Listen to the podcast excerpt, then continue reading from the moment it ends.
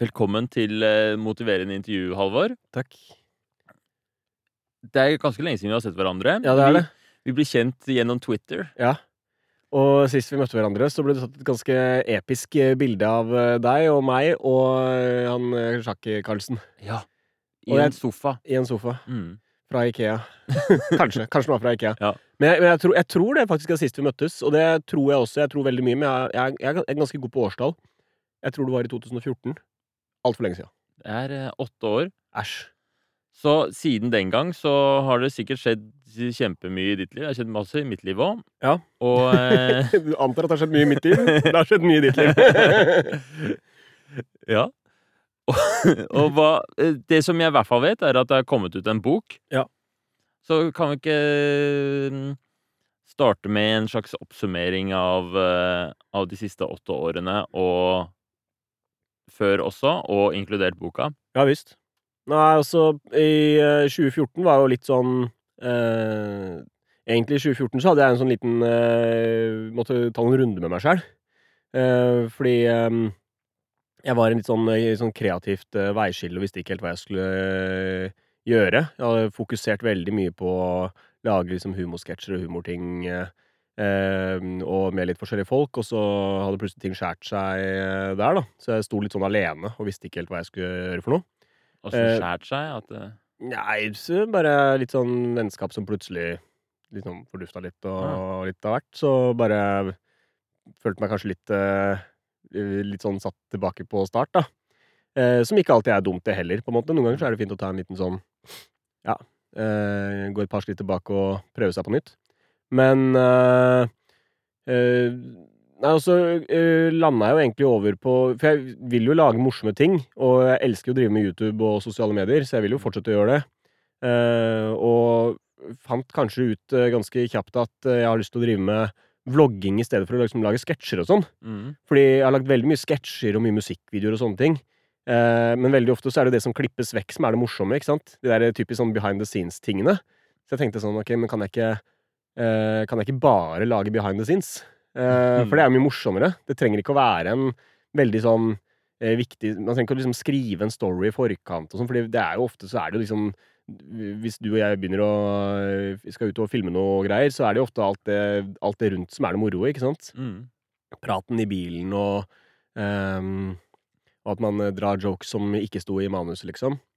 Uh, så begynte med det, og fikk eh, liksom veldig dilla på det, da. Så jeg tror å lage vlogs, videolog, blogg eh, på YouTube, det er jo kanskje det jeg har brukt mest tid på eh, sånn siden, siden cirka da vi satt i sofaen med Carlsen, da. Mm.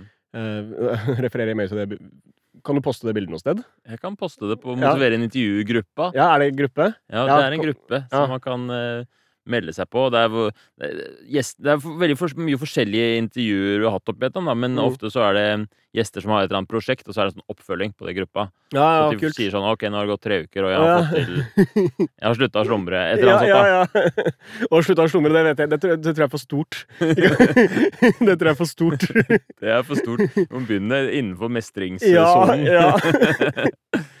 Men uh, Men du drev, for du drev med blogging før jeg kjente deg òg. Du var Ja. jo, så, du var jo eh, kongen av Twitter. Kong ja, Halvor. ja. Og så hadde du en blogg. Mm. Og så mm, Bloggen var jo egentlig Det var liksom det første med sånne Mm. sosiale medier. Det var min sånn vei inn i sosiale medier. Jeg, og da, ingen som kalte det for sosiale medier heller. Da var det bare blog blogging. Det var, Mm. det, I dag sier man sosiale medier. Da het det blogging. ikke sant? Mm. Det var det. Og så kom jo Twitteren etter hvert, som var kanskje det første sånn alternative plattformen til å bare skrive blogg. Mm. og så Og det var jo mikroblogg, til og med. Det var ikke Mm. sosiale medier, det heller. Det var jo Mm. mikroblogg. Mm. en mikrobloggtjeneste. Mm. Jeg tror ikke Twitter kalles for en mikrobloggtjeneste fortsatt. Vet ikke. Det kan noen i gruppa sjekke opp. Men, eh, men eh, Ja, og så baller det på seg, vet du. Da kom Mm. plattformene. Mikroblogging og videoblogging og alt. ja. Men eh, Hvordan kom du fram til å skrive bok, da? Eller ta knipsebok? ja, knipsebok. Altså Jeg har hatt lyst til å lage bok lenge.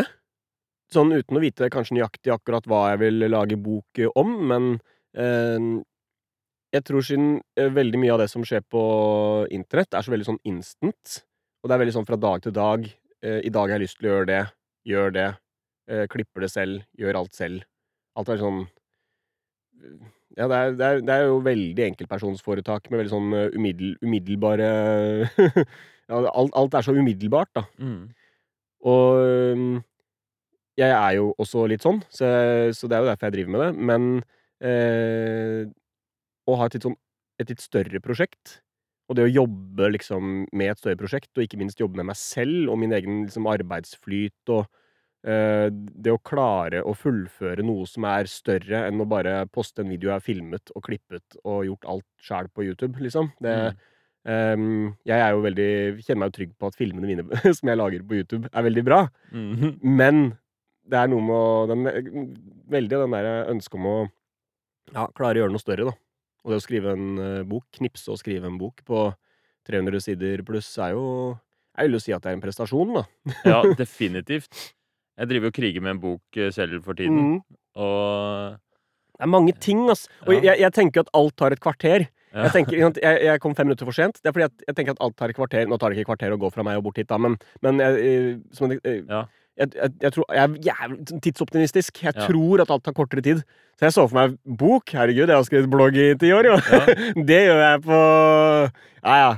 Jeg setter deg en uke i Ikke sant? Mm. Og så plutselig sitter du der på en måned overtid og bare svetter og bare Mm. og hamrer løs. Mm. Har du sett den, har du sett den gamle KLM eh, Liker du KLM? har du sett den gamle KLM-sketsjen med han eh, fyren som jobber på kransekakevitsfabrikken? Så er det sånn rullebånd hvor det kommer kransekaken, og han skal sitte og Å, ja.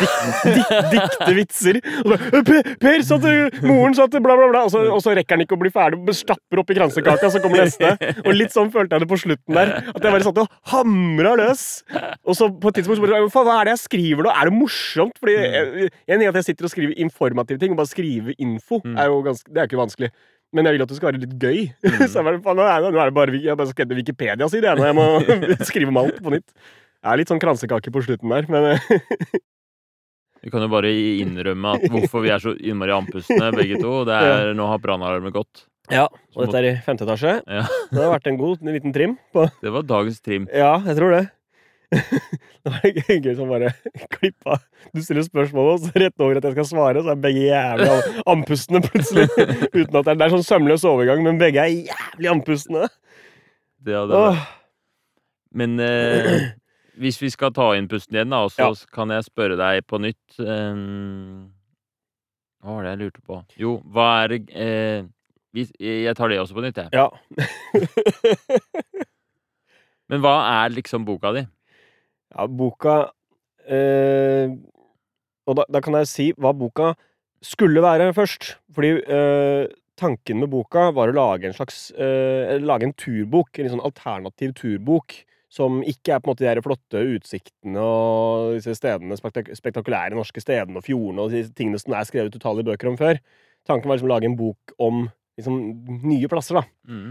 Um, men uh, samtidig som jeg begynner å skrive, så Altså, jeg har ikke lyst til å lage en sånn derre ti steder du burde besøke. Jeg har ikke lyst til å gjøre sånn.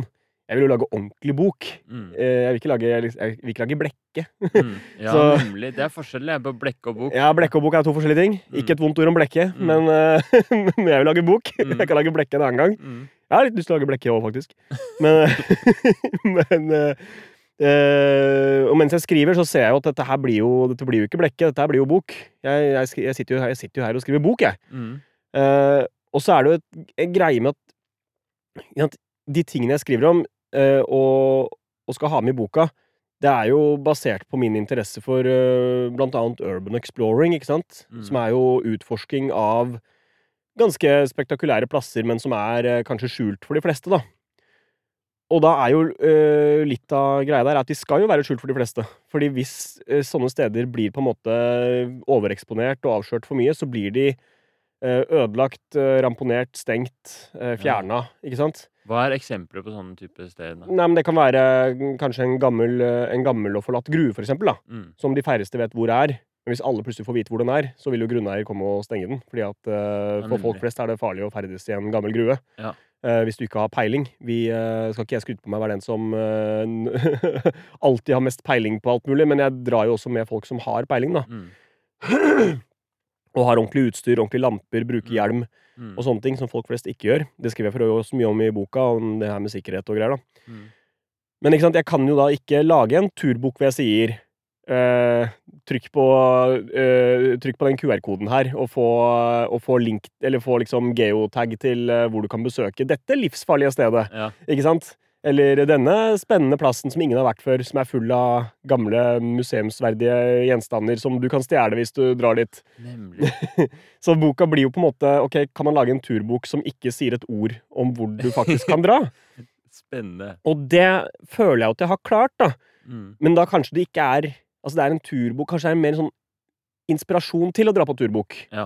At det er litt mer der, liksom. At det er mer sånn Ok, jeg kan ikke fortelle deg hvor den fete plassen her er. Jeg kan fortelle om hvor fet den plassen er, og hvor fett jeg hadde det der, og hva som har skjedd der. Men jeg kan ikke si deg hvor det er hen. Men jeg kan si deg at det fins ganske mange sånne steder, og hvis du bruker de rette verktøyene og leter litt og bruker liksom, og gidder å ta deg tid til å researche, da, og har det litt gøy med det òg, for research er jo veldig ofte noe av det morsomste, ikke sant? Så kan du finne sånne steder selv. Mm. Kanskje til og med finner dette stedet.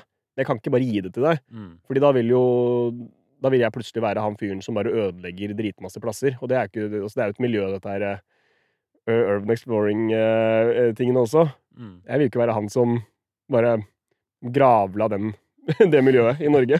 Ja, da blir du liksom som han tryllekunstneren som avslører alle triksene. Jo, ja, men det er nettopp det. Du Mm. kan ikke være ja, du- kan, men altså, du kan jo Det fins jo sikkert eh, tryllekunstnerkurs, da. Så kanskje jeg tar et lite kurs, men jeg står ikke der på en måte på YouTube-kanalen min og, og viser åssen det er et eh, hemmelig rom med, kanin, med plass til en kanin oppi hatten der. Ja.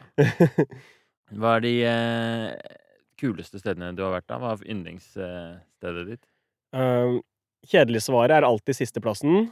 Uh, men uh, jeg tror det jeg syns er mest spennende, er når man blir liksom overraska over størrelse. Det er litt sånn uh, size is uh, king. Det er gøy hvis du finner en liten åpning et eller annet sted.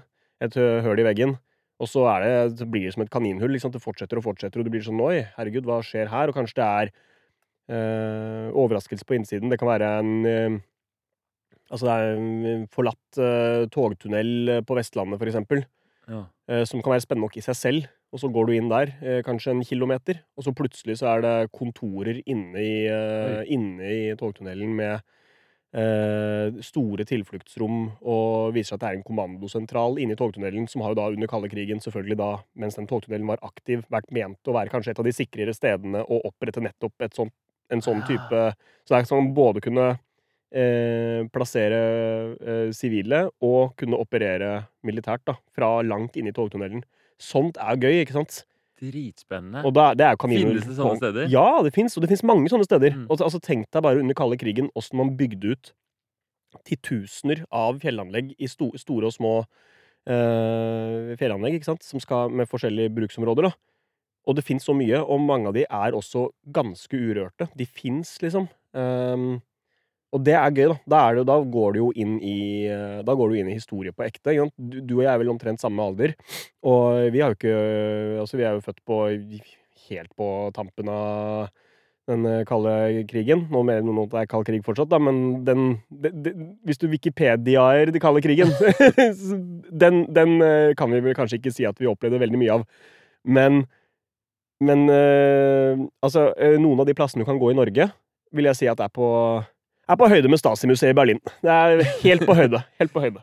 Spennende. Ja. Hvordan er det Fordi det som øh, slo meg med den boka, de er jo alle de bildene. Altså, hvor lang tid bruker du på å få satt opp? For det er jo helt Det er jo stor fotokunst. Ja, og takk. Og jeg har fått, hatt med meg mye flinke folk òg, da. Og jeg øh, jeg, skal, jeg skal sikkert skryte litt av meg selv også, men jeg, har, jeg kjenner folk som har tatt meg med på fantastiske plasser, som har mer kunnskap enn meg, og som også har holdt på mye lenger enn meg, og som tar jævlig kule bilder og er blitt god på det. Men det handler jo kanskje litt om å lære seg noen triks, da. Mm. Og da er man, da er man jo over i liksom fototeknikk og sånn, men øh, selvfølgelig det, det tar jo litt tid, og det er jo gjerne Bilder er jo kanskje, er jo liksom, kanskje den gulroten man får i bånn der, da. Mm. Det å gå, gå rundt og suge til seg inntrykk er uh, veldig gøy. Uh, og så er det liksom å forevige det på uh, Jeg filmer jo stort sett også, men å få gode foto er, en- det er liksom Det er på en måte suveniren, da. Vi Mm. tar jo ikke med oss noen ting. ikke sant? Man skal ikke stjele noe eller Mm. eh, Eller herpe noe eller ommøblere og holde på. Så det å ta kule bilder og prøve å, å fange den stemningen som var på det stedet hvor vi har vært, da. Og der er det gjerne bekmørkt, og da må man jo drive med lang lukkertid og, og sånn. Og så Det hjelper jo å ha kraftige lommelykter, da. Men jeg, det, det, er, det er Du lærer deg noen triks, ikke sant. Altså, lang lukkertid er jo, er jo kanskje noe av det første man lærer på fotokurset, liksom. Så ved å, ved å ha litt forståelse for eh, liksom, hvordan eksponering eh, fungerer, og ha jo litt ordentlige lommelykter, eh, så kan man ta ganske kule bilder med ganske enkle grep. Eh, som jeg også tror jeg snubler så vidt innom i boka på et eller annet tidspunkt. Jeg, jeg tror jeg snubler nesten innom alt i boka. boka er tilsynelatende en inspirasjonsbok til å dra på tur på merkelige plasser i Norge, men jeg avsporer jo meg selv veldig fort. Ja. så det er Ja, det, det, det høres helt fantastisk ut hvis folk har lyst til Altså, hvor eh, får man tak i boka di? Hva heter den? Norges skjulte eventyr. Den, Norges den selges vel egentlig overalt. Ja. Jeg tror den er på alle Den skal være, skal være på alle I hvert fall alle kjedene og Mm. Jeg tror ja, de, de, de fleste burde ha den. ja, men det er gøy. Altså. Det har vært morsomt, morsomt å jobbe med, og ja ehm, Jeg er veld, veldig jeg, Og det, ja, jeg har lyst til å gjøre, gjøre mer, da. Jeg håper jeg kan skrive Lage en Om ikke en, om ikke en direkte oppfølger, men liksom lage noe mer i Nå vil jeg ha sånn, sånn Donald Pocket-boksamling, ikke sant? At Ja, ja. Nå, nå skal jeg ha Nå skal jeg hva jeg driver med nå? Nei, nå, nå lager jeg bøker i akkurat den størrelsen der, og så skal det være liksom samme fonten, og at det er en sånn Ja, så man er jo så, ja, selvfølgelig. Skal se fett ut i hylla, være, ikke sant? Man låser seg til en font og en Ja, ja, ja, ja, ja. Det er jo Jeg er jo veldig eh, Veldig eh, sånn Jeg liker å kategorisere. Veldig opptatt av sånn å lage kategorier. eh, som, som kan gå over til det slitsomme til perioder, men ehm, eh, men, så jeg er veldig happy med det. Jeg er veldig fornøyd med at jeg Nå har jo jeg funnet ut hva slags bokformat jeg er. jeg husker det dessverre ikke, men, eh, men det er eh, Jeg ville at den egentlig skulle være større, men så har jeg skjønt at hvis vi skulle være så heldige at den havna på uh, bestselgerlista, eh, som den også faktisk gjorde, så eh, da får den plass i hyllene på bokhandelen. Ja. Så jeg tror boka mi er sånn perfekt big size, men at den får plass i hylla på det var bokhandelen. lurt. Fordi det har jeg aldri tenkt på før. Mm. Fordi hvis du skulle lagd en bok nå Ja, nå har du litt annen kanskje utgangspunkt for hva slags bok du vil eh, lage, eller som du holder på å lage. Ja, det blir ikke så mye bilder i min. Nei, det er nettopp det. Mm. Men jeg som er veldig Som er mye bilder, da. Mm. Det, er mye, det er en teksttung bok òg, men det er mye, mye bilder. Så tenker jeg jo Coffee table skal være svær, ikke sant? Ja.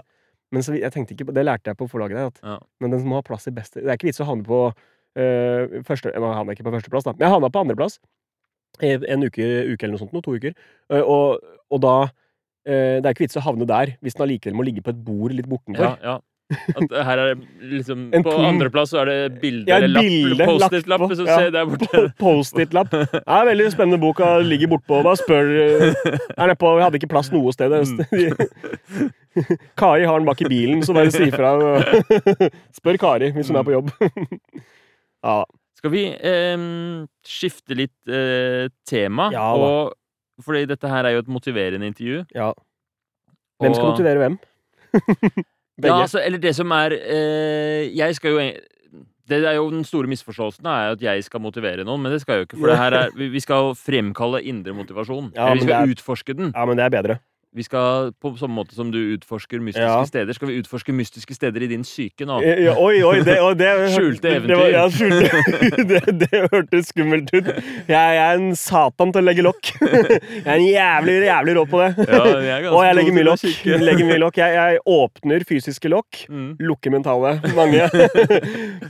Plomberer og tetter Mm. igjen. Jeg er flink til det. Ja. Så, nei, men eh, Det jeg lurer på, egentlig, er det noe du kunne tenke deg, eller noe du har lyst til å få ut av denne samtalen? Sånn Eller noe du Er det et eller annet du ønsker deg, eller vil forandre på, eller Altså, jeg sa jo det at eh, med å skrive bok så ville jeg jo eh, jobbe mer med større prosjekter og kunne trekke lenge, liksom, eh, større linjer og, eh, og jobbe med meg selv på, og et prosjekt over tid. For jeg er veldig sånn instant type. Og eh, jeg har klart å lage en bok, liksom, men, men det er kanskje det å klare å videreføre den, den evnen til bare hverdagen, liksom. Få Jeg, jeg er jo eh, Jeg er jo ganske ustrukturert og syns det er vanskelig å kanskje ja, følge et sånt vanlig, normalt samfunnssystem. Jeg havner litt på utsida, på en måte. Og det eh, av systemet. Systemet! Jævla systemet. Mm. Um, det er liksom noe der. Klarer ikke ordentlig å liksom sette liksom uh, det, var, det var ikke en fantastisk setning, det, men, uh, men uh, Men der føler du at det er noe, liksom? At Ja, det er noe der. Der Det har du en sånn der uro eller en Ja, ja. Masse sånn uro. Ja, enormt mye uro. mm. Ja, mye uro, ja. Og mye greier, men um, Men øh, ja, du kjenner jo også Kristine Krig, og øh, vi henger veldig mye sammen. øh, og snakker mye sammen om For hun har nettopp fått blitt diagnosert med ADHD. Og jeg har jo vært diagnosert med ADHD siden jeg var 18. Og, men aldri egentlig Det var bare sånn OK, du har det, og så ja vel, ut, ut med deg. Ja. Ehm, mens uh, hun går jo på en måte og, og lærer masse om det, og liksom har kanskje skjønt litt mer hva det egentlig betyr i hverdagen. Og så har vi snakket veldig mye, og jeg tror jeg begynner å skjønne litt mer av hvor mye av det jeg føler at jeg ikke nødvendigvis får til og sånn, men som kanskje egentlig bare er mynta på nettopp det jeg har en diagnose ja. på, da. Og så er det liksom Ja. Ja, i hvert fall det du sier, det med å føle seg litt annerledes, slite med struktur, Ja. og mm, det er jo klassisk for folk med ADHD. Men en ting som også er klassisk for folk med ADHD, er at eh, de eller vi er forskjellige. Mm. Så, mm, så, så det er en sånn merkelapp som havner på veldig mange mennesker som har veldig mye forskjellige både problemer og styrker og svakheter. da. Ja, Mm. men øhm, og, og, det er, og det er virkelig ikke klaging, altså. Eh, For jeg øh, Og jeg snakka faktisk med eh, Kristine om det i går, men bare om øh, Det er ikke at jeg ønsker øh, At jeg ønsker meg annerledes. Fordi jeg hadde ikke drevet med de tingene jeg hadde drevet med hvis ikke jeg hadde liksom den der ekstra Det der, der hyperenergi for, for min del, jeg er ikke så litt sånn eksplosiv. Jeg er ikke sånn eksplosivt hyperaktiv person, liksom. Men det er mer det at jeg får sånn øh, Jeg vil heller kalle det hyperfokusert på, Mm. på spesifikke ting, og at jeg liksom kan øh, Og det er ikke alltid at det er den, den mest konstruktive tingen heller jeg er mest hyperfokusert på. Plutselig kan man liksom waste flere timer på et eller annet som egentlig ikke Mm. Altså, det kan gå, det kan gå begge veier, da. Men øh, jeg tror det er mer å bare Det er ikke at jeg vil endre på det, for jeg, jeg liker at jeg har den evnen, kan du si, da. Ja, som et ekstra gir. Ja, som, som et ekstra gir, liksom, for den Mm. kjenner jeg mye på. At, øh, at jeg har en øh, stort sett en utholdenhet som, øh, som jeg tror kan danke ut de fleste på ting, da. Jeg, Mm. jeg glemmer jo å spise og glemmer og alt mulig, og liksom, grunnen til at jeg ikke kommer meg opp om morgenen alltid, er jo fordi at jeg, hvis, jeg, hvis jeg hekter meg på et eller annet på kvelden, så slutter jeg jo ikke med det før jeg er ferdig. Ja, typisk sånn å redigere en video. For eksempel, meg. å redigere en video er et, kanskje et prakteksempel på det. Mm. Å redigere en video kan være of, Altså, jeg filmer så mye. Eh, eh, hvis jeg har vært på en tur eller gjort en greie, så tenker jeg at det er bedre å ha for mye materiale enn for lite, liksom. Så jeg, jeg lar ofte bare Jeg lar det rulle, da. Mm. Men da kan det være mange mange timer med innhold som skal ned til et lite kvarter. ikke sant? Så det kan ofte være ganske sånn grovklippen da. Sitte timevis og bare fjerne kremting og, og at man ikke sier noe og titter rundt og bare sånn dødmateriale, liksom. Det kan være ganske kjedelig. Men når du plutselig får det derre der knaggen, at liksom, eller at du kommer deg på sporet der og bare Mm. Nå, faen, nå Nå jobber jeg bare til det er over. Ja, men nå, liksom. nå, nå, jeg, nå har jeg funnet en slags rytme, da. Ja. Det er egentlig det med å finne rytmen. ikke sant? Det Mm. man finner den rytmen, så er jeg ikke ute på å gi meg. Og da, Men Mm. da er kanskje klokka elleve på kvelden. ikke sant? Mm. Og så og jeg har brukt hele dagen på å prøve å finne rytmen. Les støvsuger og snurre rundt og klappe katten og Mm. Ja. alt mulig rart for å prøve å finne rytmen. Men Mm. eh, jeg mener at alle de tingene er, er på er litt sånn vorspiel for å finne rytmen, da. Men, mm. men når, man først, når man først sitter, Mm. da kan jeg jo sitte i eh, ti timer uten å, uten å spise og pisse og noen ting. Da er det bare Ja. suges inn i det, ikke sant? Og, så jeg, og jeg vil jo ha det sånn. Eh, men samtidig så ser jeg jo at jeg har helt annerledes struktur i livet mitt enn alle andre. Ja. Bortsett fra typisk Kristine og andre jeg kjenner som kanskje har litt de samme, men, men ikke sant? Mm. Det, Så på den ene siden så er dette her noe du egentlig trives med Ja. og liker og vil ha. Mm.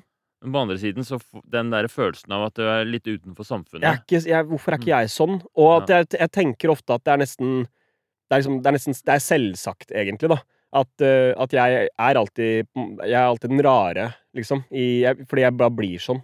Uh, den for, Og fordi at jeg, jeg er Jeg er faktisk det. det er ikke at jeg føler meg sånn. Jeg er jo gjerne det òg, ikke sant? Mm. Den kanskje eh, rareste i en uh, gruppe, da. Ja, er det, er det å være den rareste i, i en gruppe, syns du det Er det også noe sånn som, sånn som egentlig du vil ha, men Ja, det er nok samme greia der òg. Mm. Jeg tror det er litt sånn klassens uh, klovnprinsipp noen ganger.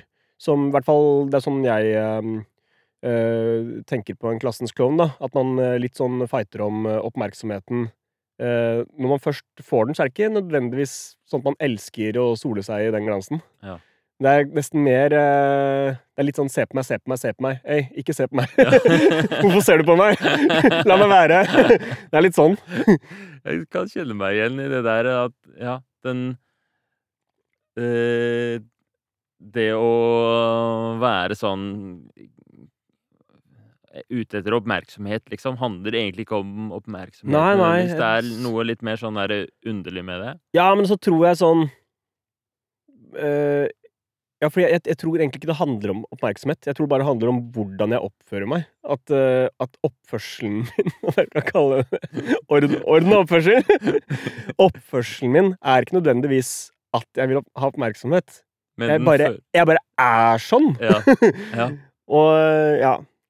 Men eh, og, og ikke, ikke nødvendigvis eksplosiv, hyperaktiv, men det kan bare være Kanskje jeg Det kan være at jeg vil snakke om andre ting. Sånn Smalltalk klarer jeg ikke. Jeg, jeg er Mm. ikke så god i sosiale sånn, sånn sosiale settinger som ikke er litt sånn øh, Med folk som kanskje er litt nerder på noe. Mm. Men liksom sosial, random sosial sånn minglesetting med folk jeg ikke kjenner, det kan, det, da, da, kan jeg, da kan jeg nesten havne i sånn panikkangst eh, ja, det syns jeg er ubehagelig. Ja, og ekte ubehagelig, ass. For jeg, fordi, og det, jeg tror det ligger noe i at jeg, jeg klarer ikke å fake hvis jeg ikke syns at noe er gøy. Eller liksom at noe, at noe engasjerer meg på et eller annet vis. da.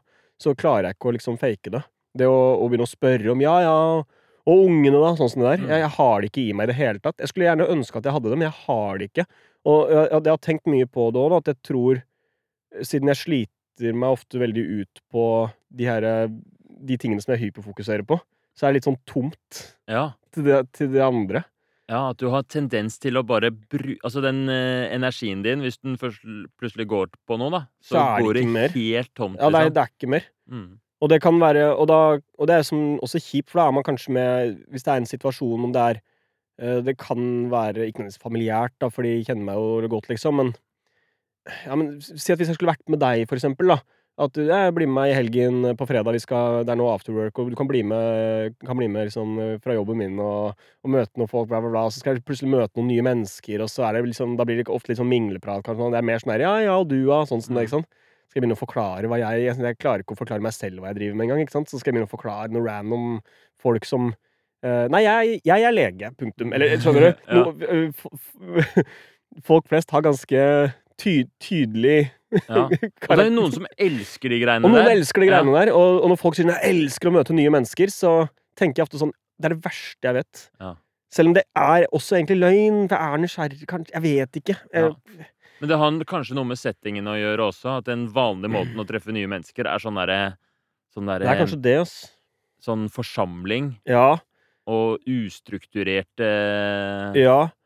Og at, og at uh, jeg føler ofte at det havner i en situasjon hvor det kanskje er lettere å stille meg spørsmål fordi at det er kanskje litt Det er litt mer sånn rotete bøtte. Så det er kanskje litt mer Kanskje spørsmål kommer litt mer naturlig. Fordi det er Ja. liksom litt mer jeg, jeg, jeg skjønte ikke helt, eller Ja, Hei, men, men hva lager du videoer om? Altså, det, at det er litt sånn. du er jo Mens- Man blir jo veldig nysgjerrig Ja, når mens- noen gjør noe annerledes, liksom. Ja, Mens hvis, eh, hvis du sier at 'nei, jeg jobber som revisor', ass, så har jeg, altså, du får ikke noe oppfølgingsspørsmål av meg på det, ass. Det var det, men det var det du ønsk, skulle ønske du kunne si, så du fikk Ja. litt pause fra alle spørsmålene? ja, det hadde vært gøy, men jeg har jo ikke lyst til å være kjip. Jeg er jo ikke kjip. Jeg, det, herregud, jeg er jo jævlig mye bra revisorer, liksom. Jeg Ja. kjenner flotte revisorer, jeg, men uh, det, men, men poenget er Eller, eller snekker, eller whatever. Altså, men jeg, jeg sliter med å komme med nødvendigvis oppfølging Ja. på det fordi at det bare er litt tomt der, da. Og, eh, og at jeg, jeg, er ikke, jeg er ikke dritnysgjerrig på det. Mm. hvis, eh, og, og, og ofte tenker jeg hvis, hvis du har en jobb hvor jeg tenker at Ei, der, kunne kanskje, man- der kunne jeg kanskje gjort noe kult. Mm. Hvis, eh, hvis du sier at du jobber på eh, eh, At du er politi. Eller en forlatt, en forlatt togstasjon. Eh, nei, men hvis, du, hvis du sier at du, er, at, du er, eh, at du er politi, eller at du jobber på en eller annen byggeplass som kanskje er litt spennende, eller Men eh, jeg kødder ikke. altså Si at du jobber i Bane NOR, for eksempel. Mhm. Eller ha et eller annet sånn der hvor jeg plutselig tenker ah, men da, da er du jo litt ute i felten, kanskje. Eller du har Mm. kanskje noe ja, men faen, kanskje, kanskje jeg kunne blitt med deg en dag? Kan, Ja. kan ikke vi da kan, jeg, da kan jeg få en knagg, men da er det fordi at jeg tenker også Og jeg vet ikke om det er en egoistisk tanke, eller om det bare er en flott tanke, men jeg, jeg er veldig opptatt av også å, å få et slags produkt Ja. til slutt. At alt, at alt jeg egentlig gjør, skal, skal kunne lande som et slags produkt. Et, ja, en ting. nemlig. At det er vanskelig at en sånn vanlig samtale hvor man bare smalltalker, da er ikke noe håndfast for deg. Nei, og så, og så leder det ikke til noe, for jeg skal ikke liksom fortsette å henge med deg uansett, liksom. Mm. Men hvis men, men kanskje vi kan gjøre noe sammen, ikke sant? Mm.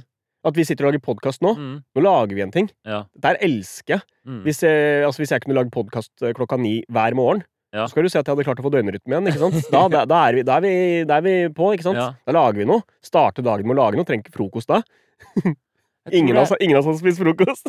Jeg tror dette her er litt sånn eh, innenfor mange med ADHD kan kjenne seg igjen i det at det er et eller annet med vil gjerne ha ting sånn som man kan ta og føle på, og Ja, jeg tror er det. sånn Og det var også en enorm motivasjon med boka, selvfølgelig. Det Mm. å lage, altså Jeg driver bare i sosiale medier, har holdt på med sosiale medier i evigheter, ikke sant? mm, Uh, og det å lage en, en fysisk ting mm, Nesten, det er sånn, Jeg hadde fikk sånn æresfrykt, nesten, for å ta i min egen Min, min, min egen Fikk æresfrykt for å ta i min egen ting, hvis det er lov å si.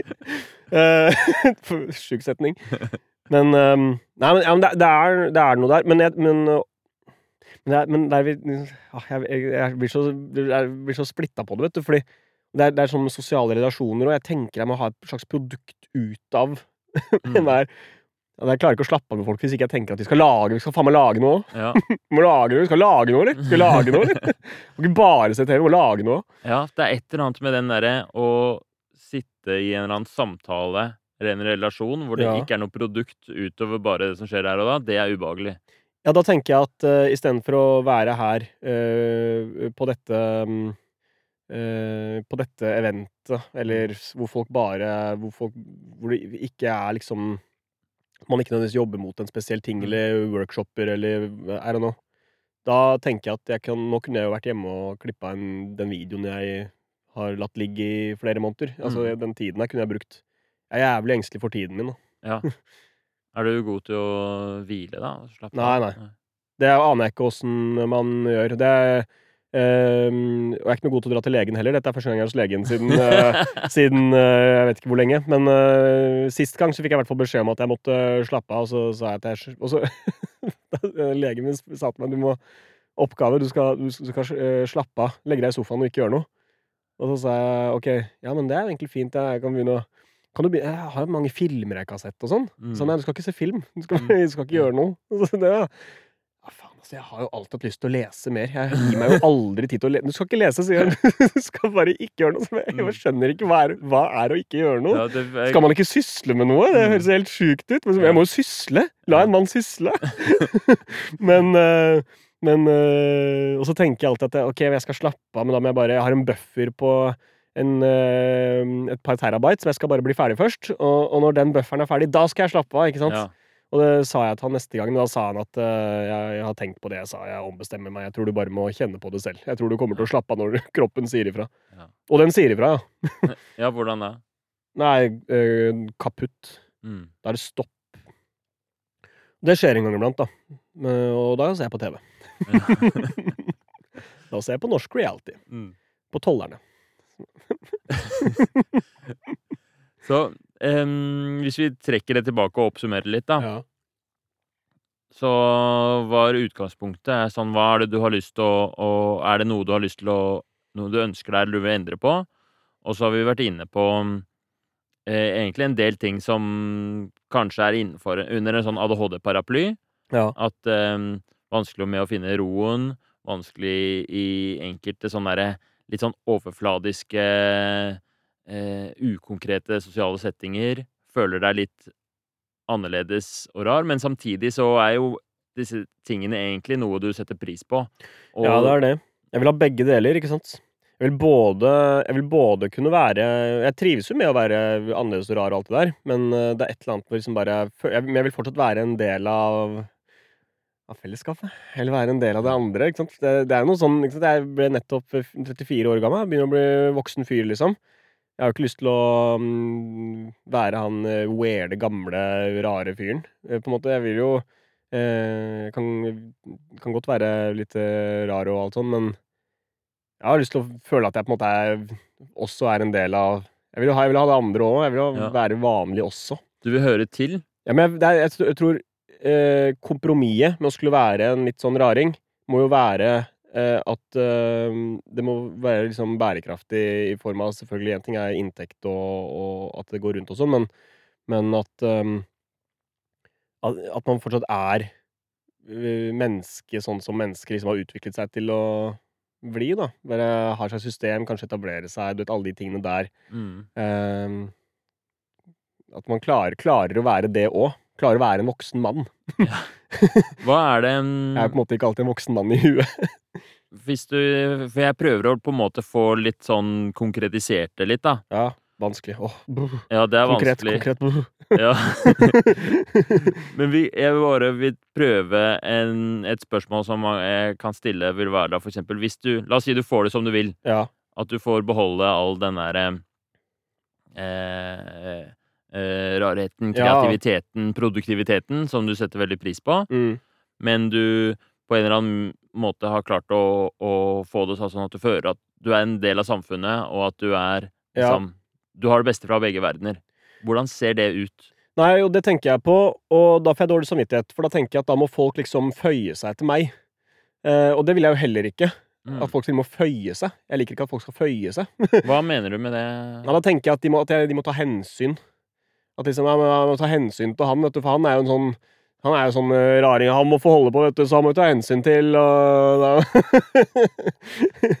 da, må de, da må de dere som driver og holder på med veiarbeid utafor vinduet mitt eh, Nå husker jeg ikke om det var noe vi sa i poden eller før poden, men da må de fortsette bare å jobbe der ute, sånn at jeg kommer meg på morgenen. For vi må hjelpe han der raringen med å Ja, nemlig fordi du Det er et eller annet med at når du ser for deg at du får alt som du vil, så innebærer det også at du har normal døgnrytme og Ja, ja, alt sånn. Ja, for det, du ønsker deg egentlig de tingene, den derre strukturen og Ja, jeg vil, sånn. jeg vil både ha strukturen og fremstå som en, som en um, eh, ansvarsfull voksen mann. Mm. Eh, Cis-mann. eh, nei, men Og samtidig eh, klar, det, Jeg tror det handler om å tøyle. Og eh, liksom Eller k- k- klare liksom å systematisere den her overflødige eh, Mm. overskuddsenergien og, og alle de greiene og avsporingene og eh, hyperfokuset og Eller eh, alle de greiene der. Mm. Men så skjønner jeg også at det er veldig motstridende. Ja.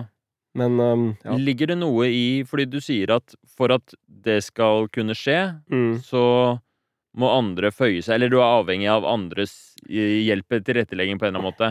Jeg tror ikke at det er sånn, men når jeg skal tenke Eller jeg tror ikke det trenger å være sånn, Mm. men når jeg, sitter, når jeg tenker liksom Men hvor, hva skal det bli til med meg? Ikke sant? Hadde bursdag nettopp. Det er en sånn typisk eh, tid for å tenke, ikke sant? Og da tenker jeg men skal det, hva skal det bli til med meg? Hvordan skal jeg klare å bli sånn som eh, kompisene mine, eller de jeg ser på, eller faren min, eller whatever, som liksom gjør ting sånn som folk gjør når de er Ja, hvilke ting er det? Nei, etablere seg, for eksempel. Da, Ja. for barn, sånne ting. Mm. Som, eh, som i hodet mitt det, det tror jeg er noe av det som, jeg, som sikkert ikke er så unaturlig heller, da. Uh, twister meg veldig.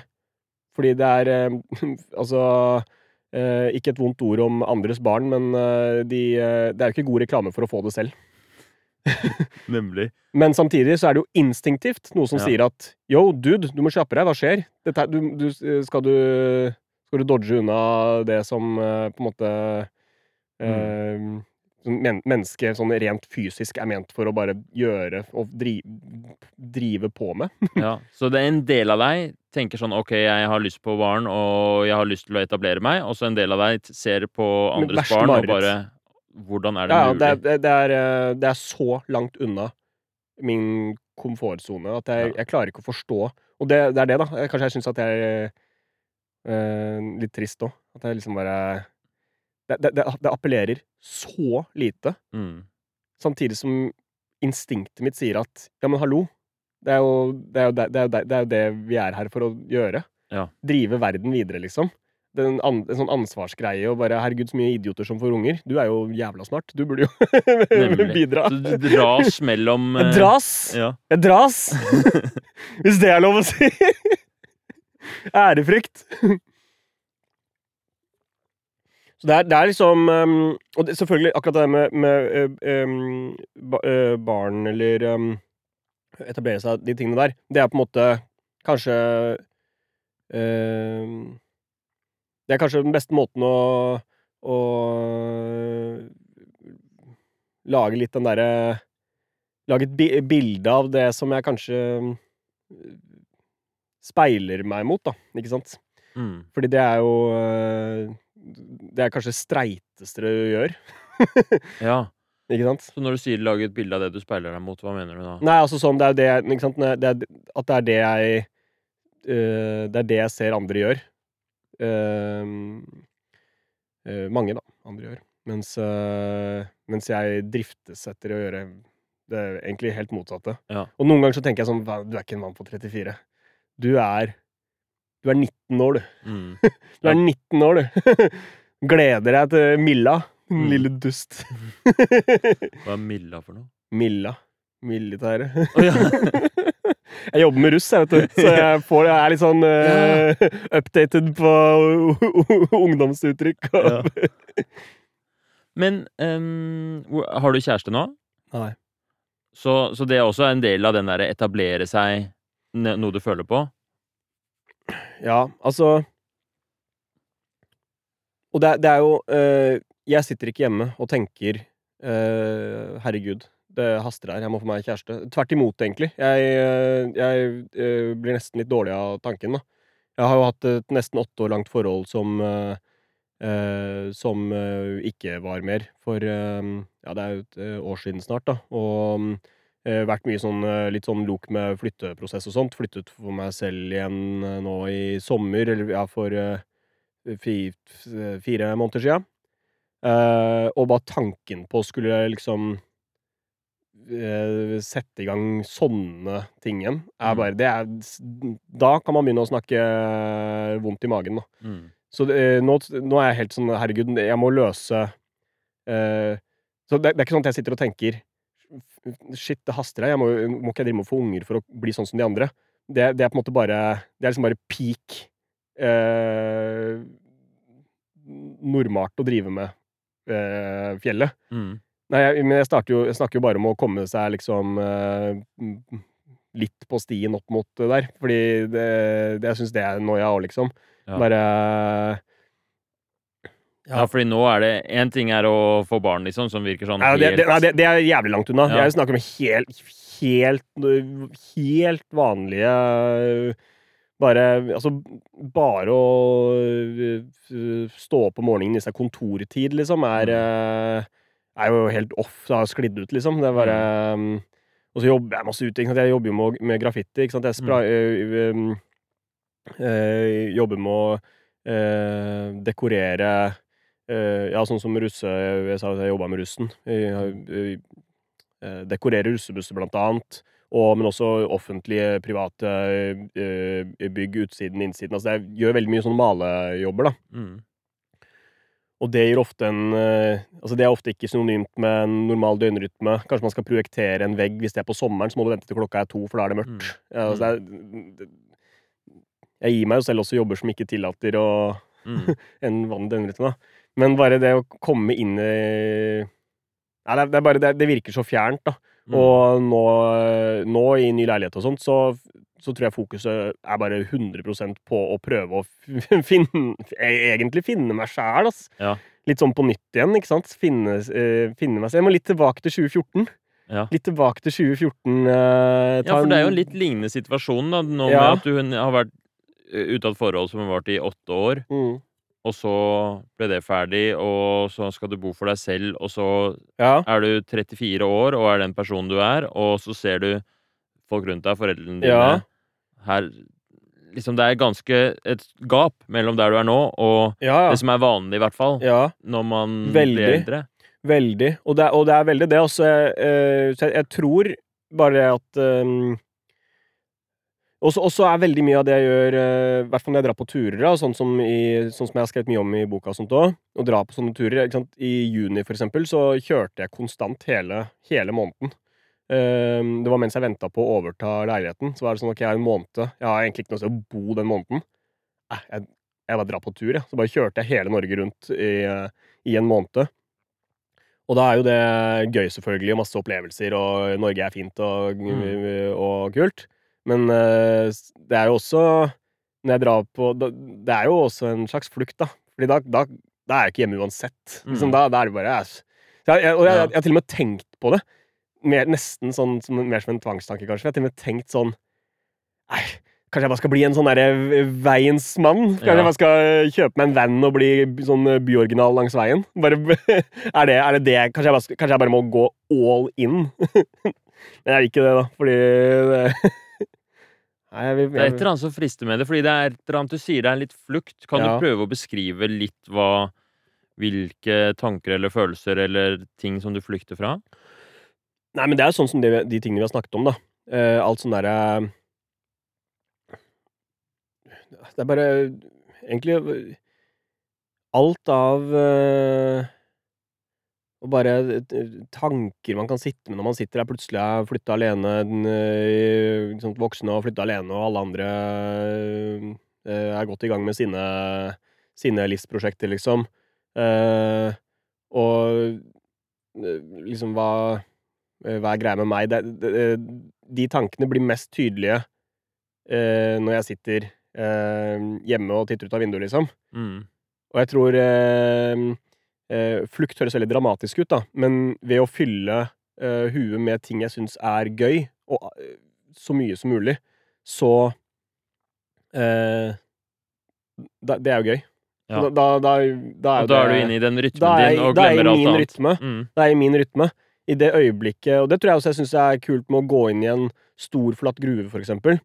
Eh, fordi det er gøy og spennende, men der inne betyr ingenting annet, da.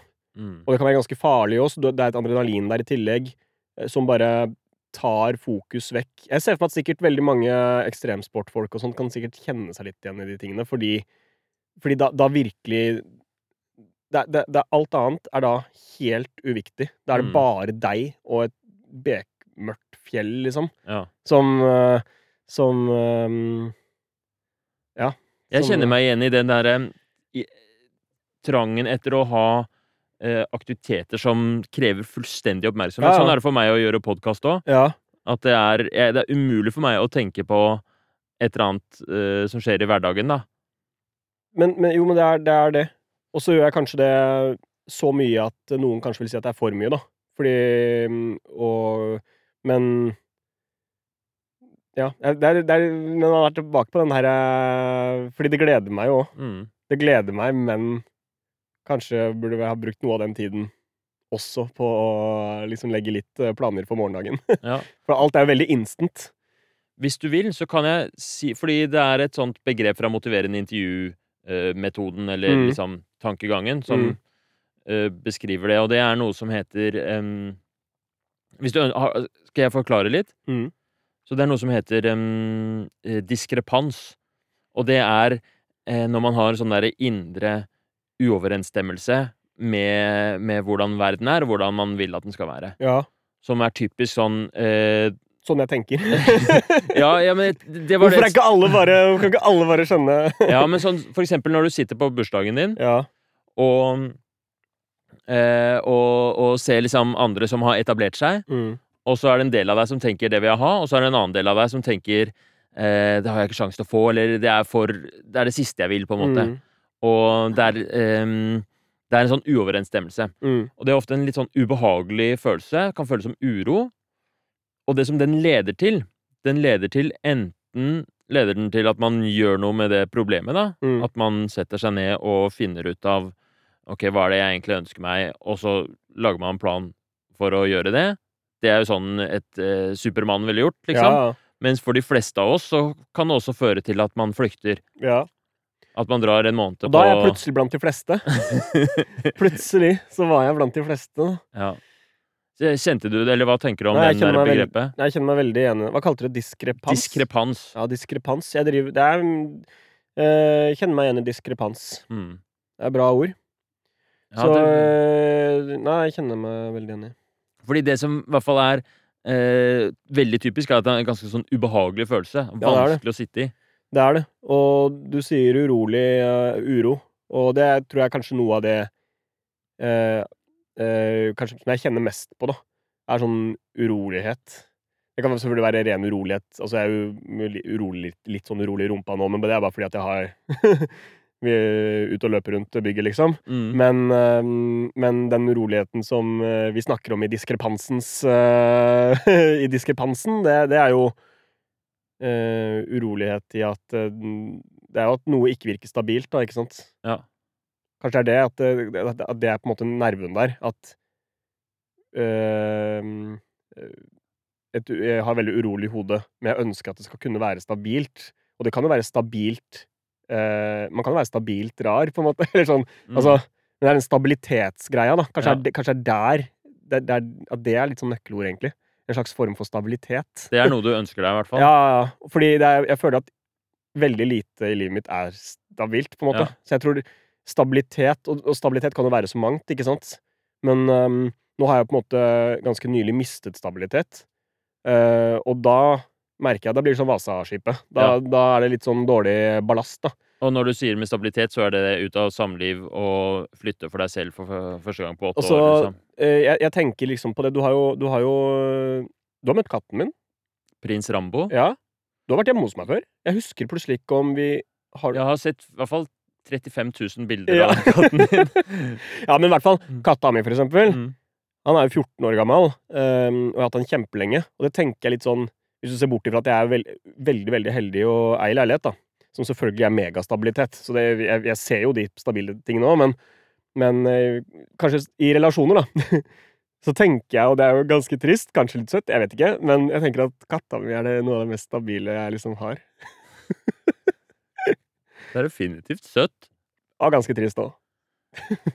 Jeg tror at men, de, Altså, hvis man har kjæledyr Det er jo det som kjæledyr er, da. De er Ja, jo utrolig stabile. Men, ja, det, er det. det er kanskje men- litt, av, litt, av, litt av det som men er du meningen. syns det er litt trist Eller du savner kanskje mer stabilitet i relasjoner? Ja, jo, kan, ja, kanskje. Stabilitet i relasjoner. Jeg, tror- jeg tror bare Jeg tror det trenger ikke å være én ting nødvendigvis. Jeg tror det Mm. bare er Jeg, jeg tror jeg, tenk, jeg tenker nok veldig ofte at de fleste har stabilitet i uh, I um, mange flere elementer enn det jeg har, da. Kanskje fast jobb, eh, fast inntekt, uh, med faste ting. Døgnrytmen er sånn. Mm. lever for helga, bla, bla, bla. Ja, hva det nå enn er. Men Hva noe som er, liksom, gir en sånn rytme som ikke nødvendigvis bare kommer innenfra, men som Mm. noen rammer Ja, rammer, ja, ja. Mm. Det kan være altså, stabilitet, men, eh, men jeg tror at eh, jeg, jeg, jeg, tenker nå at eh, rammer og stabilitet i eh, rent sånn fysisk og relasjoner vil jo også Det de, de gir jo stabilitet inni, inni huet òg, ikke sant? Mm. Um, så eh, kanskje det er der, da. Og så syns jeg at det bare er vanskelig, fordi jeg har liksom noe som hele tiden prøver å rømme fra de rammene. Ja, fordi du har den derre En ting er at du Ja, jeg har behov for rammer i livet mitt, men du Mm. har en sånn kontrær eh, Ja, ja, fandenivoldsk Ja, ja. tanke om at Nei, men jeg vil gjøre ting annerledes. Drittkontrær. Drittkontrær, som jeg kaller det.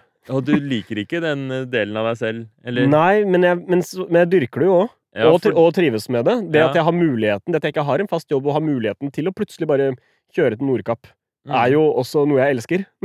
Og det skaper jo eh, det, det er jo det som skaper jo mye av det du driver med og gjør at eh, altså, Ja. denne boka di har Ja. blitt så fantastisk, er jo et produkt av, ditt, av deg, liksom, og det Absolutt. kontrære Men, om eh, men samtidig så er det kanskje vanskelig å bygge stabile relasjoner, for eksempel, mens Mm. man eh, kjører rundt på Vestlandet.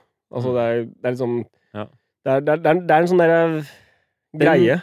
Den Og så sliter jeg med, å- Ja. med å liksom omfavne Ja. det ene eller det andre. At liksom enten så må man bare Nei, vet du hva, nå driter jeg i alt det andre. Men da hadde jeg blitt deppa, tror jeg. Jeg må kunne kjøre til Vestlandet eller, til, eller, eller hvor som helst. Ja.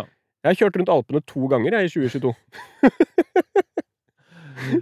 Fantastisk. Jeg har vært i Innsbruck to ganger i 2022, med bil. Det er ikke mange som har vært det. To Nei. ganger. Nei, det er jo ikke mange som har vært én gang engang. Du har vært to ganger. Ja, Den ene gangen, og det var det verste, vet du, så den ene gangen så, så så jeg en jævlig fin pute. Og så tenkte jeg at den var litt dyr. Jeg tror den kosta 1000 kroner. Men det, jeg, så lurer jeg på om det er, er det kanskje det er en fin pute, at det er det det koster for en pute nå om dagen? Fordi jeg kjøpte den jo ikke. Og så dro jeg tilbake for å kjøpe den puta. Ok, det var ens ærend andre. Det var ikke ens ærend, men vi hadde ikke trengt å kjøre til Innsbruck. Men du hadde tenkt på den puta siden forrige gang. Du vet jo, hvis det er en ting du ikke gjorde, så ligger Ja. du og Da kan du ligge Det, det tror Ja. jeg du kan gjøre, å ligge våken og tenke 'helvete, hvorfor gjorde jeg ikke det', liksom. Så, men hadde Men det er ikke kødd, ass. De, de hadde revet det kvartalet i der hvor den, put, der hvor den putebutikken Så det kommer Ikke bare var pute, puta utsolgt, liksom. Bygget er borte. Bygg. For et slag i trynet. Ja, det, det var absurd, ass. Det var ikke bare sånn 'sorry, we're closed' på vinduet. Det var liksom, De sto med sånn Jeg, tog jeg har bilde av det til og med. At de står og Mm. Ja, det var Så Men jeg kjøpte en pute i eh, Strasbourg i stedet, så Men ikke for å være helt psykolog her nå, men grunnen til at vi havnet plutselig i en morsom historie, ja. var det fordi det var ubehagelig å snakke om eh, kjernen av problemet, eller var det Mm, Nei, det, eh, jeg tenkte på det selv, faktisk. At uh, nå gjør jeg noe jeg veldig ofte gjør. Men uh, kanskje en blanding. Eh, en blanding, sikkert. At um, Altså, tro meg, jeg kan kødde bort uh, mye uh, Jeg kan Jeg er altså verdensmester i å eh, kødde bort uh, ting som det er stress å prate om. Det er, det er gyldig. Det er Det tror jeg mange kan kjenne seg igjen i. Det er jeg, tror også det. jeg tror også det. Men jeg er blant de beste. Definitivt. Mm. Ja, altså em, Hvis vi skal oppsummere litt, da. Mm. Eh, det hele starta med liksom, hva er det du ønsker deg, hva er det du vil? Mm. Og så har vi snakket mye om, om din livssituasjon nå, Mm.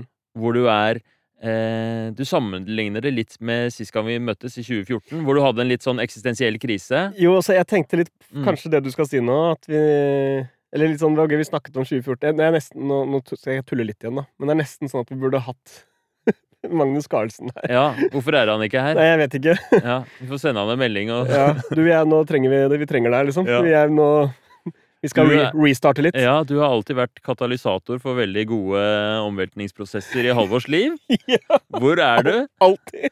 Hvert åttende år skal du møte opp til den uh, jevnlige eksistensielle krise Ja. og lede an for en eh, Men er det litt det der, at det er eh, en sånn omveltningsprosess du står i nå? ja, men det, er- det er det. Mm. Det er det. Og den, men øh, krise er kanskje egentlig Jeg tror øh, en øh, ond tunge i huet vil si at det er krise, mens rasjonelle meg Nei, det er ikke krise. Det er veldig mange ting som fungerer, liksom. Jeg, Mm. og, og, som jeg sa, altså, det, det er ikke mange Det er ikke Altså, jeg, jeg, har, jeg har leilighet, jeg har Ja. koll på masse, jeg har jo masse eh, Må ikke høres ut som at jeg disser vennene mine, for de er jeg veldig glad i, og jeg har veldig gode, nære venner, og de, de skjønner meg, og alt, alt sånn Det er masse som er bra, Ja, eh, men vi er jo ikke her for å snakke om ting som er bra. nemlig. nemlig. Men det, er, så, det er en sånn urolig men- følelse, men egentlig så er det jo veldig mye som Men du er som sier eksistensiell krise, og det er det man kaller det, Ja. på en måte. At eh, rasjonell, ikke krise, men eh, irrasjonell, ah, fy faen, det ra rakner her. ja, fordi det Eh, føles som en krise, liksom. Jo, jo, og sant, når du sitter der sent på kvelden og ikke er rasjonell, Mm. Og ser ut av vinduet. og ser ut av vinduet, så kan du jo få den krisefølelsen selv om rasjonelle deg eh, dagen etter vet at eh, det går bra. Eh, Ja. så, så kan man få den derre ja, Det er jo typisk. Litt trøtt, burde gått og lagt seg. Å, fy faen, hva, hva, driver jeg med? Hvorfor Mm. holder jeg på med dette? Burde, eh, hva gjør jeg nå? Mm. Går jeg inn på Finn og søker streite jobber? Hva? Altså bare, Mm. Ehm, så ja, absolutt. La oss eh, Mm. gjerne bruke Og jeg, veldig, jeg syns det er et kult eh, begrep. Eksistensiell krise. Det er, Ja, kanskje, altså. eh, kanskje jeg skal starte den podkasten? Så tar vi det Starte det opp Kan jeg på, være gjest? på Nitro. Ja, Mm. du kan være første gjest. Mm. Nei, men, men mm, det, verste er at jeg begynner å tenke produkt med en gang, vet du. Ja. Jeg tenker Det er jævlig bra navn. Og jeg snakka med Kristine Krig i går om at liksom, faen, vi burde, for alt skal bli et produkt, ikke sant? Ja. Herregud, vårt vennskap, og vi har så mange gode prat, eh, samtaler. Og vi snakka om noe identitetsgreier. Litt sånn som vi har snakka om nå. Kanskje. Kanskje det er det. Kanskje vi lager søsterprogrammet til, eh, til um, motiverende intervju, og så eksistensiell krise. Ja. Hardcore-versjonen. Så må du være med. Jeg har driver og har en sånn drøm om at noen skal starte Motiverende intervju 2. Bare det skal bare være å motivere en intervju to. Det er til alle intervjuene du ikke rekker å ta selv. Men um... Nei, men, men ja. men det er- Sorry, jeg sporer jo bare av, men ja. jeg syns det var en eh, god avsporing. Det er jo ofte det som eh, Fordi folk er forskjellige på hvordan man føler sånn uro. Mm. Og den evnen til å, til å til at ok, klokka er to på natta, og jeg er våken Mm. og ser ut av vinduet, og at det blir litt sånn katastrofe i hodet. Ja. Eh, det er det ikke alle som får. Nei. Men de som får det, det som ofte kommer ut av den tanken, Mm. er jo som du sier, et eller annet produkt eller en Ja, ja. samtale eller en eh, å, å strekke seg ut til noen eller å lage noe kunst. Ja. Og jeg tror også at øh, Og jeg tror egentlig det å, å ha noen sånne runder med seg selv, som jeg tror også de aller fleste har da, fra tid til annen, men jeg tror også at det er noe sunt i det, da. Eh, ikke å drive med å ta sånne eksistensielle spørsmålsrunder med seg selv veldig ofte, tror jeg ikke er bra. Men å ta en sånn liten sånn eh, sit down en gang iblant, eh, litt utpå natta der, og bare Mm. spørre seg selv eh, litt, eh, tror jeg er bra, da. Det, har, det kommer jo ofte bra ting ut av det også. Men jeg tror ikke det er bra hvis man bruker den, eh, den eh, eh, spørrerunden til å på en måte Altså, da, må det være et, et behov for å dra seg opp. Mm. For å dra seg ned, det vil jo aldri lede noe sted, liksom. Mm. Men å ta en liten sånn eh, finger i jorda, heter det? Finger i jorda, er det riktig? Ja. Jeg tror det. Å ta en finger i jorda. Det hørtes feil ut, men jeg, ja. Ehm, en gang iblant, da. Og bare Det, det tror jeg jo er jo bra, da. Og kanskje Og, ma og mange kanskje gjør det ikke nok, Mm. kanskje. Og kanskje jeg gjør det litt for mye. Jeg vet ikke, men eh, Men um... Jeg tror ikke det finnes noe fasitsvar, men det er i hvert fall jeg er enig med deg. Eller at det, og det, det likte jeg veldig godt med Hvis vi skal liksom begynne å runde av samtalen, Ja. da, så, så føles det ut som det har vært en ganske eh, Veldig godt satt ord på i, sånn indre uro. ja. Starte med sånn ja, Det er et eller annet med annerledeshet og systemet og sånt noe, og så Før vi begynner å få noen begreper og noen ord som kanskje er litt tydeligere. er det for, Eksistensiell krise og stabilitet. Ja, men vil du si litt bare sånn Hva er det du tror du sitter igjen med, hva er det denne samtalen har gjort for deg? Nei, jeg tror Jeg Tror kanskje Det jeg tenker kanskje mest akkurat nå, er uh, Er uh, Jeg sitter veldig igjen med ordet stabilitet, da, og også at det kan bety så mangt. Men at kanskje Kanskje at det som må være et lite mål uh, for min egen del, å ikke nødvendigvis tenke så stort på hva stabilitet kan være, men heller bygge Kanskje heller bygge mm, tynnere Hva heter det Pilarer, heter det? Stol, stolpe Jeg tar faen, jeg, men Ja. og, som Det må ikke være sånne um, Stabilitet trenger ikke å være tre stor barn og nei, nei, kone nei, det er det jeg mener. Det kan, Mm. være, det kan være liksom mange små ting, da. mm. Uh, og kanskje at man kanskje er lettere å jobbe med mange små ting i første omgang, eller start Ja. små, ting som er liksom både innenfor rekkevidde, men også innenfor det du faktisk ønsker deg. Ja, og så og, og også prøve å finne ut liksom hva de tinga skal være, da. Men, um, men det, er, det er vanskelig, ass. Mm. Og det er jo ting jeg har tenkt, som jeg tenker mye på fra før òg, liksom, men Men uh, kanskje ikke Kanskje ikke plage seg med de aller største og mest sånn omveltende tingene. Mm. Man trenger ikke å tenke på de største og mest omveltende tingene. Fordi det er ikke snakk om at det skal skje i morgen uansett, liksom. Men klokka to på natta, prøv å si det da. For da skal det faen meg skje i morgen. Hvis, vi skal, hvis jeg skal prøve å pushe deg til å konkretisere enda litt mer, da. en sånn liten eksempel på sånn liten ting som kan gi deg den stabiliteten du ønsker deg? Hva kunne det vært? Ja, jeg syns det, det er vanskelig.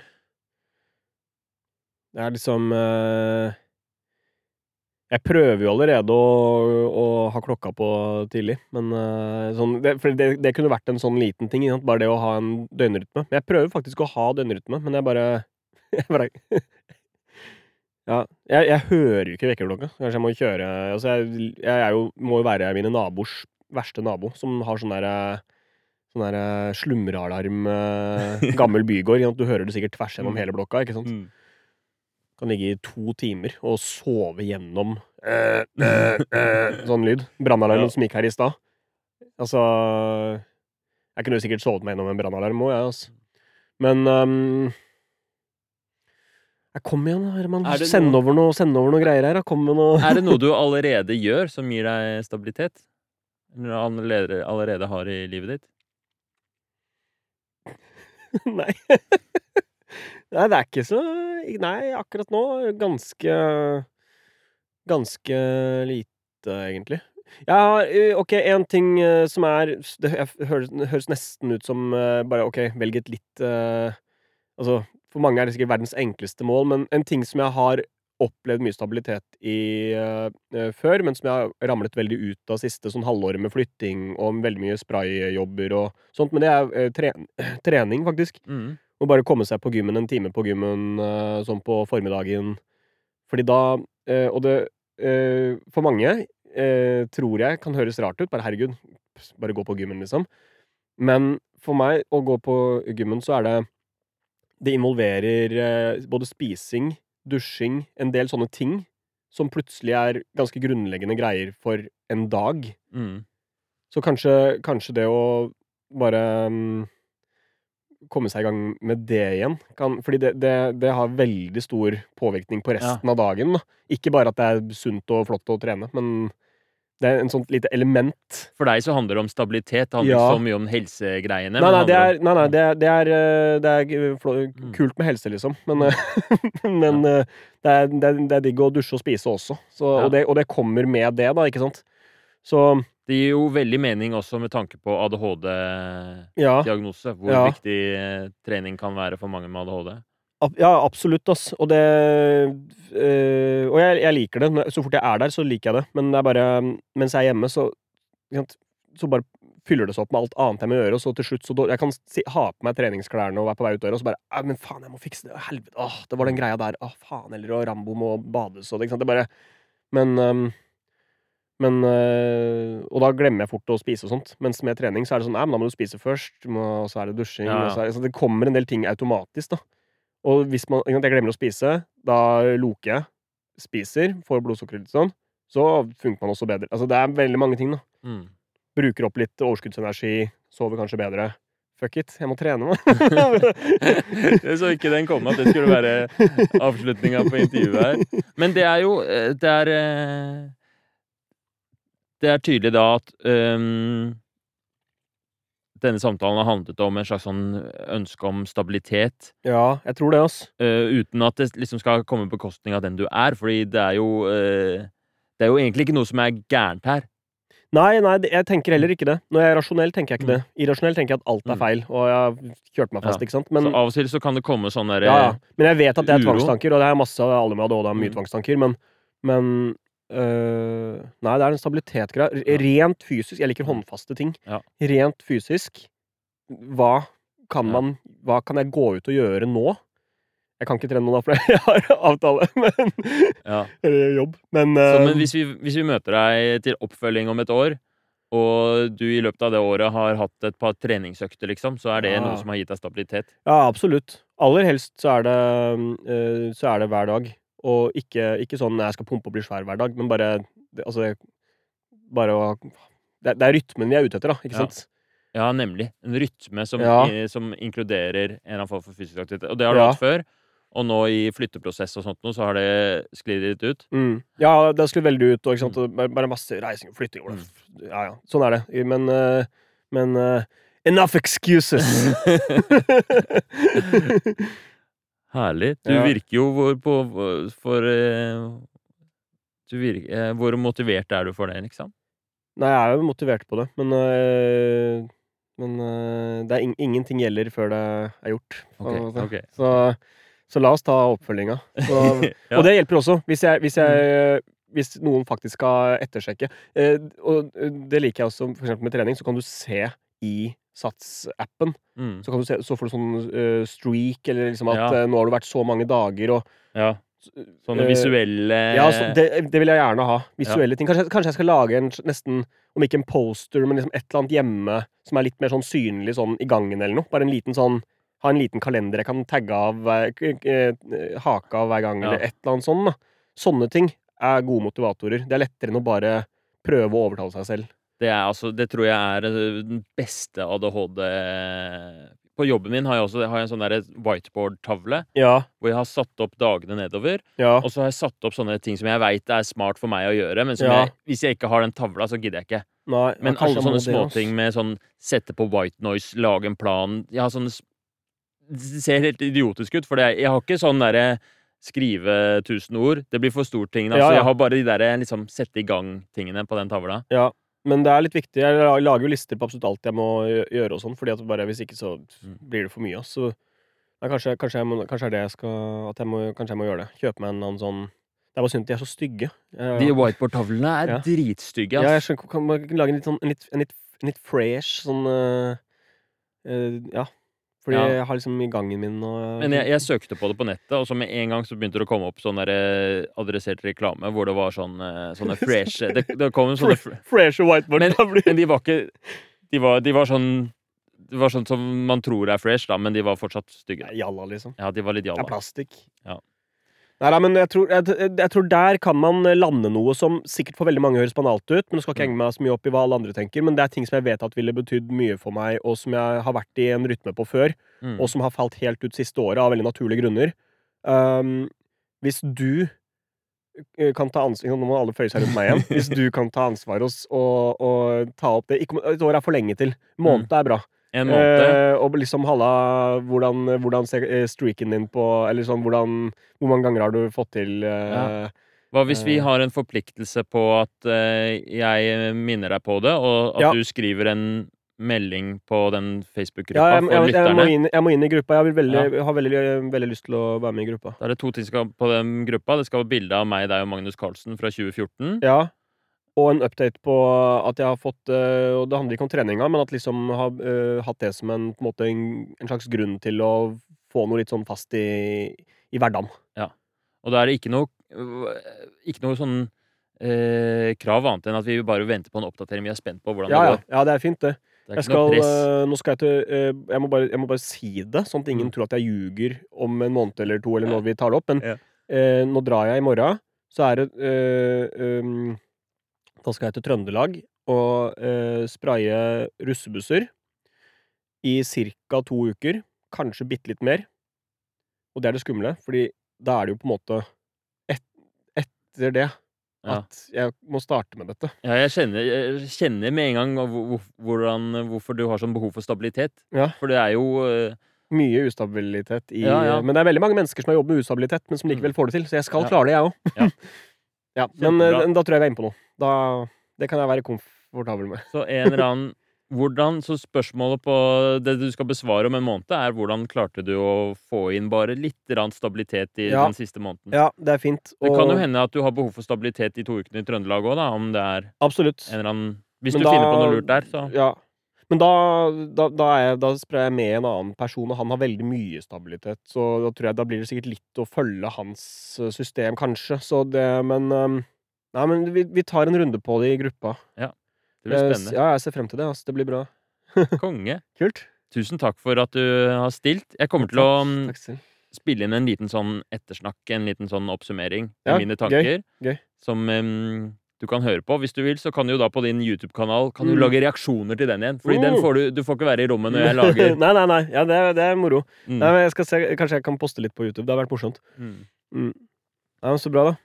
Eh, hvor er det folk kan eh, følge deg på sosiale medier? Hva heter du? Eh, ja, det er eh, Kong Halvor, og så er det på eh, Kanskje i all hovedsak eh, YouTube og Instagram, da. så driver jeg og lefler litt med liksom TikTok og og Der heter jeg Halvor Harsem, tror jeg, fordi der hadde noen tatt navnet mitt før. Nei. og litt sånn, ja, det er Veldig irriterende. Men det er egentlig overalt, da. Men mest aktiv er jo kanskje Instagram og, og YouTube. Og Twitter faktisk litt igjen nå. Begynte litt med Twitter igjen. Ah, ja. Ja, Men eh, det er ikke så mye humor, da. Det er kanskje mer sånn Nå er det bare kjefting. Humor, det var før. Nå er det bare kjefting. ja. Det er ikke det vanlige når man blir eldre, så Jo. går man fra å være Jo. morsom til å være sur. Jo, sur. Mm. Jævla sur. Sur fyr. neste, neste gang vi skal prate sammen, skal det handle om hvor jævlig sur jeg er blitt. Og jobbe, med- jobbe med deg sjæl. Mm. Ja. Nei, men Tusen takk Tusen Ja, takk for takk. innsatsen, og tatt veldig styringa på liksom, Vi skal ha oppfølging om en måned Ja, må det. i gruppa. det. Det var veldig eh, Ja, gøy, må, altså. det, må det. Hvis ikke så skjer det aldri noe. Og det skjer ikke noe om et år. Jeg vet ikke hva som skjer om et år. Nei, det- Eh, En måned er nesten egentlig for langt, det òg, men det, Ja. det, det må vi klare. Det får vi til. Ja. Ålreit. Ok, kult. Ha det godt. Takk.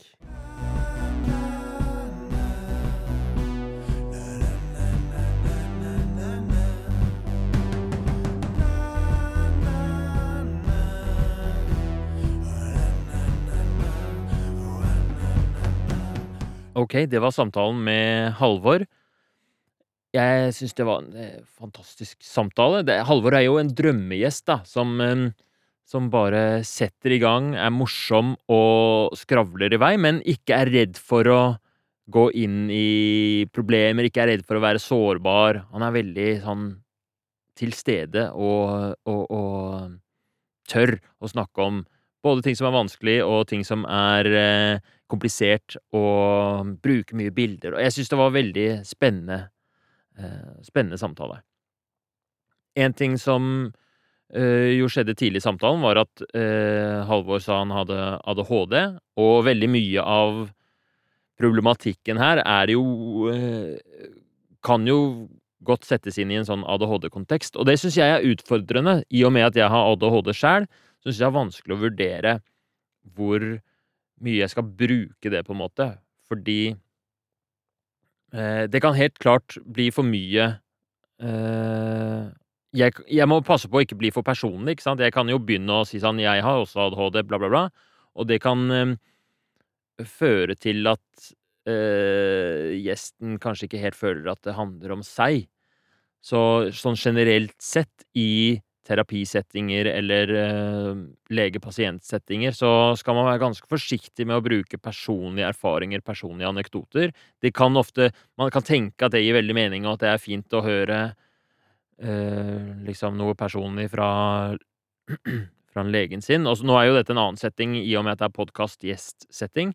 Men i hvert fall eh, Det syns jeg er utfordrende. Jeg tror ikke det ble altfor mye av det her, men det var jo på et tidspunkt hvor jeg sa sånn Ja, det jeg gjør for min ADHD, er at jeg har en sånn tavle på jobben. Det merka jeg, det angra jeg litt på. For det, det tror jeg ikke ga så mye til samtalen, og det tror jeg egentlig eh, Det blir jo nesten som å gi et råd, ikke sant, som som ikke har så veldig mye for seg i en motiverende intervjusetting. Det føltes veldig sånn ah, Jeg ble jo veldig ivrig og hadde lyst til å fortelle om den tavla, fordi det betyr veldig mye for meg og sånn for min hverdag. Og jeg tenkte det hadde vært fantastisk hvis Halvor gjorde også, men det er sånn typisk korrigeringsrefleks hvor jeg blir ivrig, og like så greit Det hadde vært like verdifull samtale hvis jeg ikke hadde sagt det. Ikke at det var noe sånt stort problem, sånn skjer jo hele tiden, men eh, men i hvert fall når man har en eh, Når jeg har en gjest, og han også har ADHD, så syns jeg det er vanskelig å balansere hvor mye jeg skal bruke det. Det er jo selvfølgelig en fordel at jeg kan relatere til Holvor, så det er jo en styrke også. Eh, så balansegangen der er litt vanskelig. Altså, som motiverende intervjusamtale så eh, ble jo dette, syns jeg, en veldig god samtale. Måten man vurderer motiverende intervjusamtaler, det er, sånn for å gjøre det helt enkelt, det er hvor mye endringssnakk var det. Hvor mye snakket gjesten om eh, å gjøre en eller annen endring. Og endringssnakk er et veldig vidt begrep. Hvis jeg stiller spørsmålet 'hva er det du vil', så vil nesten alt eh, han svarer, det vil være endringssnakk. Og så kan du liksom skille inn i forskjellige typer eh, endringssnakk. Da vi fikk masse eksempler på det. For det første fikk vi masse ambivalens. Så hver gang Halvor sa ehm, På den ene siden så liker jeg veldig godt sånn som jeg er og, og alle de tingene jeg gjør, men på den andre siden så føler jeg meg rar og utenfor samfunnet. Det var i, sånn i starten. Hver gang man sier på den ene siden, men på den andre siden så, så er det ambivalens. Og det var det masse av gjennom hele samtalen. Og en stor del av motiverende intervjuteknikken handler om å få den der ambivalensen fram. Fordi vi alle har ambivalens i livene våre, og når den ambivalensen ligger litt sånn i bakhuet og murrer, så vil ambivalens typisk være sånn som holder deg litt tilbake. Men med en gang man får det frem, så øh, så slippes det løs noe energi på en eller annen måte. Med å liksom sette ord på ambivalensen, så blir det lettere å forholde seg til, og så kanskje øh, Ofte vil det frigjøre en eller annen form for indre motivasjon, da du vil få liksom tilgjengelig øh, litt sånn drivkraft. Ambivalens kan minne om, men det er ikke det samme som diskrepans. Så ambivalens er motstridende tanker og følelser. På den ene siden så føler jeg det, men på den andre siden føler jeg det, og det er litt motstridende. Mens diskrepans er den derre uroen, det er den derre følelsen av at nå er det en uoverensstemmelse her. Eh, det er kanskje Altså, diskrepans og eksistensiell krise, det er litt sånn lignende. Fordi den følelsen han har, at han sitter øh, i bursdagen sin og ser på de rundt seg som har, er så etablerte, og han har en sånn derre trang til ah, Jeg skulle ønske jeg var etablert, men jeg er ikke det. Men jeg vil jo ikke det. Den derre uroen der, det er en diskrepans. Det er en uoverensstemmelse. Og eh, diskrepans er også en sånn ting som man virkelig ønsker å få fram i et motiverende intervju. Altså Hvis du har hatt et motiverende intervju, og du har fått fram litt endringssnakk, litt sånn 'jeg ønsker det, og jeg ønsker det', du har fått fram litt ambivalens På den ene siden så tenker jeg det, men på den andre siden tenker jeg det, så jeg er ikke helt sikker. Og hvis du i tillegg får fram den der Vet du hva, jeg sitter med sånn Et eksempel. Jeg sitter og ser ut av vinduet og føler at eh, jeg ikke er etablert, og det gir meg en vond følelse.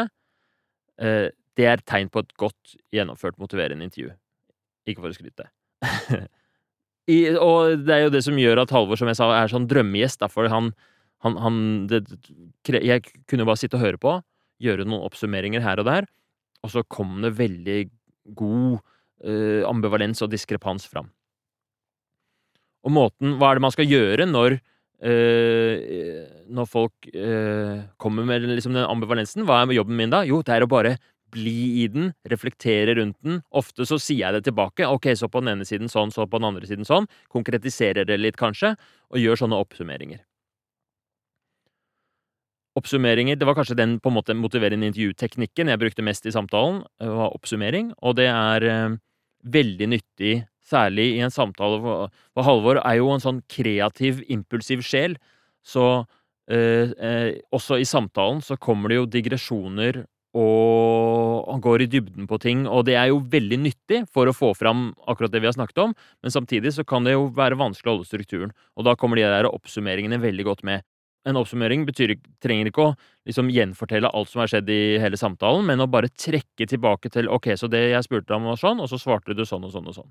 Veldig ofte så blir oppsummeringene avbrutt, og det går helt fint. Det er ikke poenget med at en oppsummering nødvendigvis må fullføres, men den trekker deg liksom tilbake inn på sporet, og den vil også ofte vekke nye Ja, og at pasienten har lyst til å legge til ting. Da. Nå sier jeg pasienten og gjesten litt om hverandre, men i hvert fall i dette tilfellet at Halvor eh, midt under oppsummeringa ja, ja det, med, det, det, er riktig, og i tillegg, det du sier med sånn og sånn, det er jeg veldig enig i. Noe sånt noe.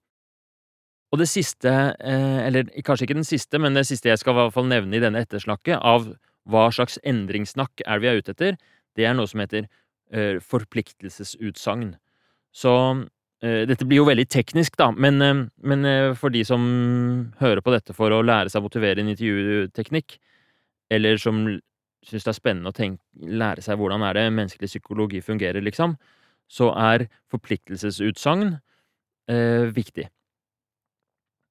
For hver gang når jeg spurte Sonja, hva, hva tror du kunne funke for deg, hva ville eh, Han sa at han ville ha mer balanse.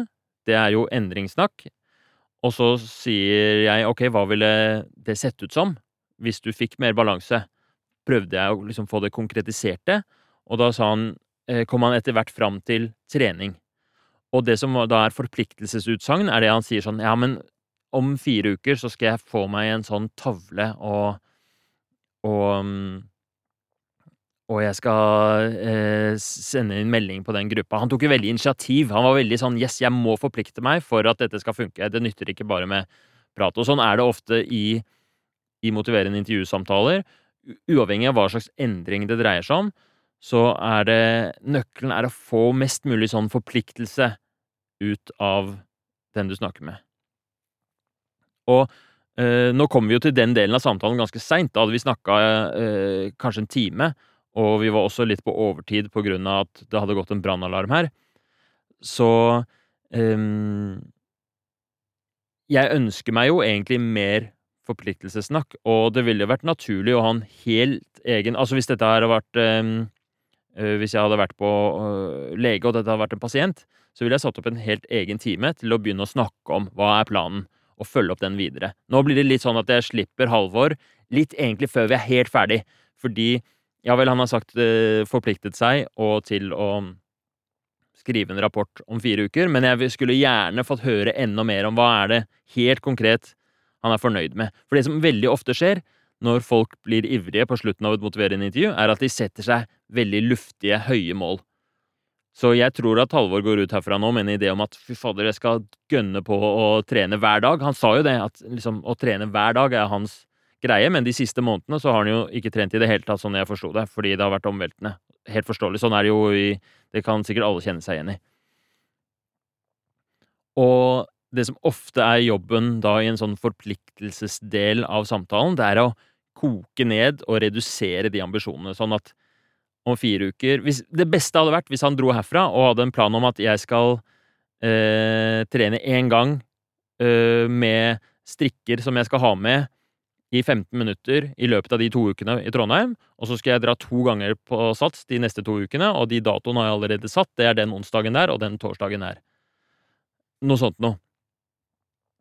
Og eh, Så det ville vært liksom den jobben vi hadde gjort i neste samtale. Nå blir det ikke sånn i dette tilfellet, så vi får eh, eh se hva Halvor eh, Nå er jo Halvor en sånn voldsomt duer, da. Altså, jeg anbefaler å sjekke ut eh, alt han gjør av videoer og boka hans og sånn. Det er jo helt fantastisk hva han uh, får til.